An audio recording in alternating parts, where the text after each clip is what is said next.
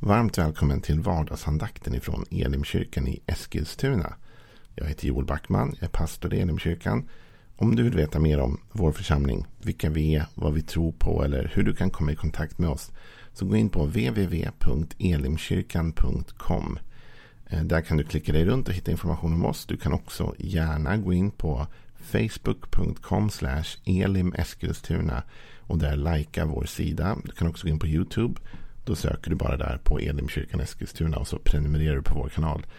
Vi vill jättegärna att du kommer i kontakt med oss, blir en del av vårt följe så vi kan ge dig av de olika saker som vi erbjuder. Och då vill jag tipsa om att hålla ögonen öppna.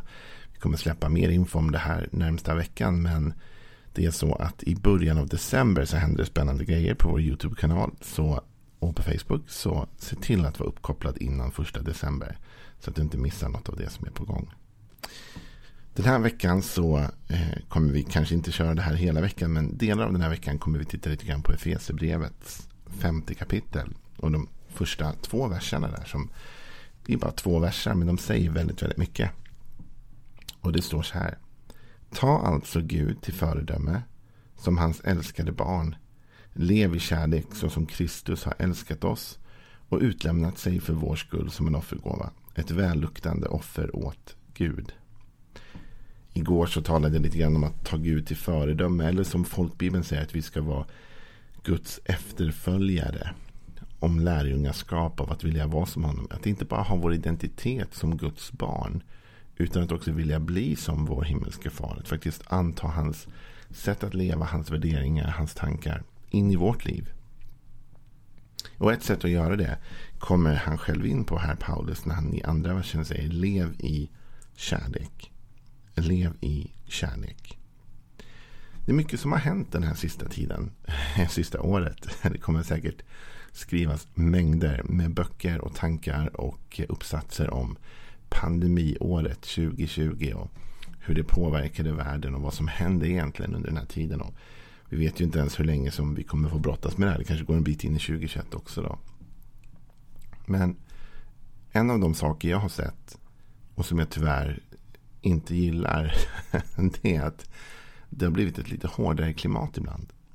Och jag tror att det beror på att vi inte mår riktigt bra. Vi är stressade, vi känner oss inlåsta, vi, vi känner oss pressade. Livet är inte som det brukar vara. Och vi känner oss frustrerade och den frustrationen ibland bygger upp och gör att vi fattar beslut att vara tjuriga, griniga mot andra människor. Eller fattar beslut, det kanske bara blir så. Men jag har sett att det blivit tuffare. Och det är inte bara jag som har hört och sett att människor tycks lite stingsligare än vanligt. Utan jag har pratat med andra människor som också har sagt att på deras arbetsplatser och på olika ställen så är det liksom det är lite mer lättirriterat än det brukar vara.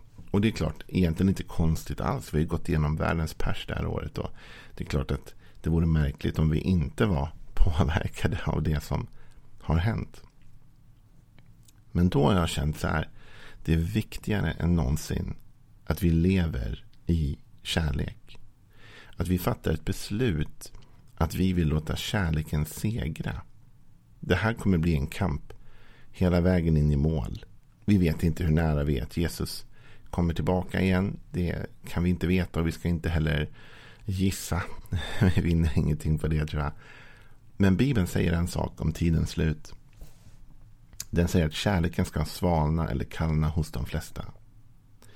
Och därför så blir det en kamp in i slutet för oss som kristna, som troende. Att inte låta kärleken svalna. Att inte låta kärleken bli kall. Utan att vara de som sprider kärlek. Vara de som ger värme. Lev i kärlek, säger Paulus i Efesierbrevet. Vi som vill vara Kristi efterföljare, Guds efterföljare. Vi har ett mål att leva i kärlek. Och då kan man fråga sig, hur kommer det sig då? Jo, men i Johannesbrevet till exempel, det första Johannesbrevet, så talar aposteln Johannes om att Gud är kärlek. Inte att han har kärlek eller är kärleksfull, utan Johannes säger, ty Gud är kärlek. Han är kärleken. Och det är klart om vi vill efterfölja honom så vill vi efterfölja kärleken.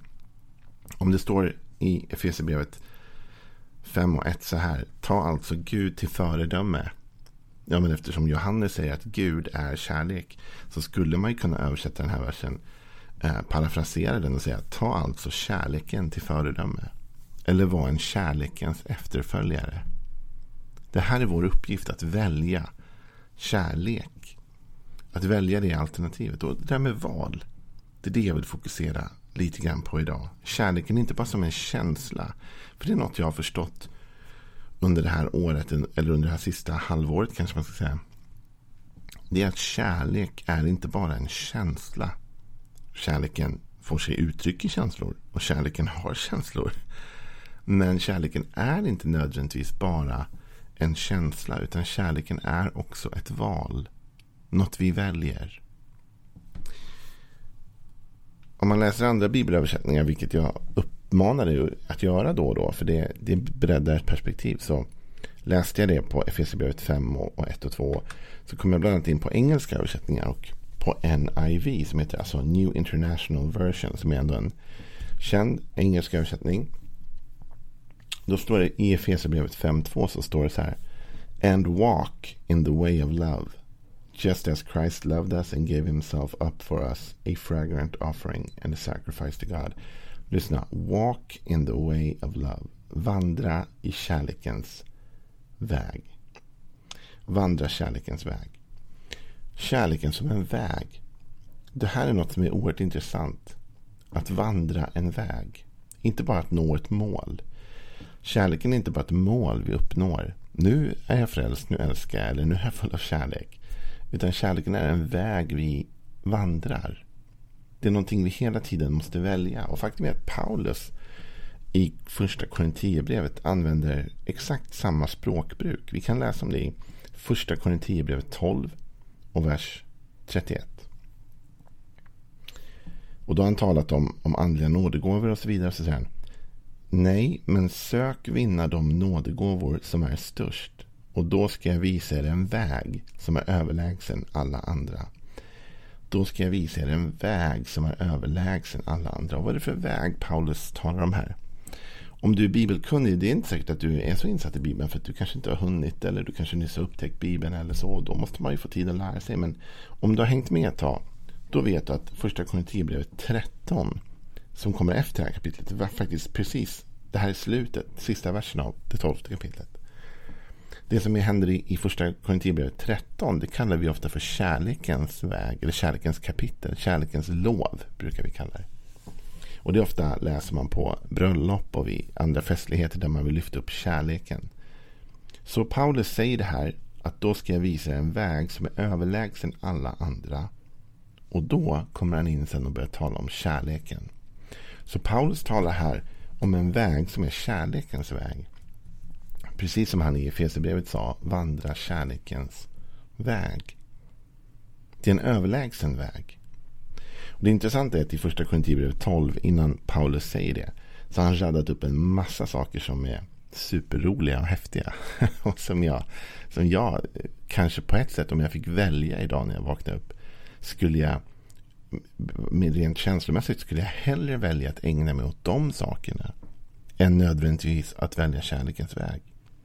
Ändå säger Paulus det är kärlekens väg som är viktigare. Vad säger Paulus innan här? Jo, han säger så här. Han börjar tala om att kan alla vara apostlar eller profeter eller lärare? Kan alla göra under eller bota sjuka? Kan alla tala med tungor eller tolka sånt tal? Nej, men sök vinna de nådegåvor som är störst och jag ska visa er en väg som är överlägsen alla andra. Så här säger han först, han talar om att profetera. Det skulle jag gärna vilja få göra hela dagen. Tala in i människors liv om Guds, Guds tilltal till dem eller om framtiden. Skulle jättegärna vilja göra under, vem vill inte det? Få vara med och se under och mirakel, bota sjuka, absolut. Tala i tungor, tolka tungotal. Ändå säger Paulus att det där är underlägset, det är faktiskt vad han säger att vandra kärlekens väg. Det vill säga kärlekens väg är viktigare än allt detta. Och man kan fråga sig varför. Man kan tänka så här kan man tänka. Att under eh, och att bota sjuka, allt detta, profetera. Det är sånt som, som Gud gör. Han gör under. Han gör mirakel. Han botar sjuka. Och när vi gör de sakerna då härmar vi hans beteenden. Men när vi väljer kärlekens väg, då imiterar vi hans väsen. Därför Gud är kärlek. Då är det inte bara vad han gör vi härmar, utan vem han är. Och därför blir det en högre väg. Det är en högre väg att imitera hans själva väsen än bara hans, vad han gör för någonting. Så kärleken är en högre väg för dig och mig att vandra. Om man då glider över i det nästa kapitel, här, första Korinthierbrevet 13, då, som jag sa vi brukar kalla för kärlekens lov. Ja, men om man börjar läsa lite av vad Paulus säger där så säger han. Om jag talar både människors och änglars språk men saknar kärlek är jag bara en ekande brons, en skrällande symbol. Och om jag har profetisk gåva och känner alla hemligheterna och har hela kunskapen. Om jag har all tro så att jag kan flytta berg men saknar kärlek är jag ingenting. Och om jag delar ut allt jag äger och om jag låter bränna mig på bål men saknar kärlek har jag ingenting vunnit. Kärleken är tålmodig och god. Kärleken är inte stridslysten, inte skrytsam, inte uppblåst. Den, ut, den är inte utmanande, inte självisk, den brusar inte upp, den vill ingen något ont. Den finner ingen glädje i orätten, men gläds med sanningen. Allt bär den, allt tror den, allt hoppas den och allt uthärdar den. Ibland när man står på ett bröllop och ska viga ett par, och det har jag haft förmånen att göra vid ett antal tillfällen såklart genom åren. Och när man står inför dem eh, så är det så mycket känslor i rummet. Alltså kärlekskänslorna är på max. Eh, liksom alla sitter där och det är, liksom, det, är det här vackra och, och nu ska de lova varandra evig kärlek. Och, eh, liksom folk sitter i bänken och kommer ihåg sitt eget bröllop eller minns vem eller vad drömmer till sitt eller vad som helst. Det är så mycket känslor i luften. Och då är det lätt att när man läser det här bibelordet så tänker man att det är de känslorna i rummet som kommer bära det här äktenskapet. Att de älskar varandra så mycket liksom. Men jag tror faktiskt inte det. Det låter hemskt att säga.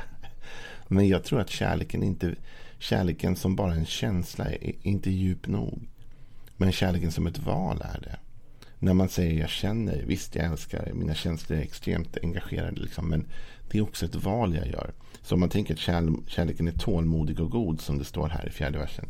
Då kan man välja så här, om det är en väg så säger man så här, kärleken väljer att vara tålmodig och god.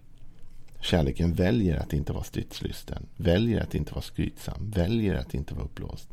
Den väljer att inte vara utmanande, att inte vara självisk. Den väljer att inte brusa upp. Den väljer att inte vilja något ont. Den väljer att inte finna glädje i orätten och den väljer att glädjas med sanningen. Den väljer att bära allt. Den väljer att tro på allt. Den väljer att hoppas allt. Den väljer att uthärda allt. Allt detta är val vi ställs inför varje dag. Inte bara känslan som leder oss dit, utan det val. Vi har bestämt oss. Vi vill vandra kärlekens väg. Det är en överlägsen väg. För då är vi verkligen Guds efterföljare, för då imiterar vi hans själva väsen. Gud är allt detta i sig själv. Gud är tålmodig och god. Gud är inte stridslysten, inte skrytsam, inte uppblåst, inte utmanande, inte självisk. Han brusar inte upp. Han finner ingen glädje i orätten. Han gläds med sanningen. Han bär allt. Han tror allt, han hoppas allt och han uthärdar allt.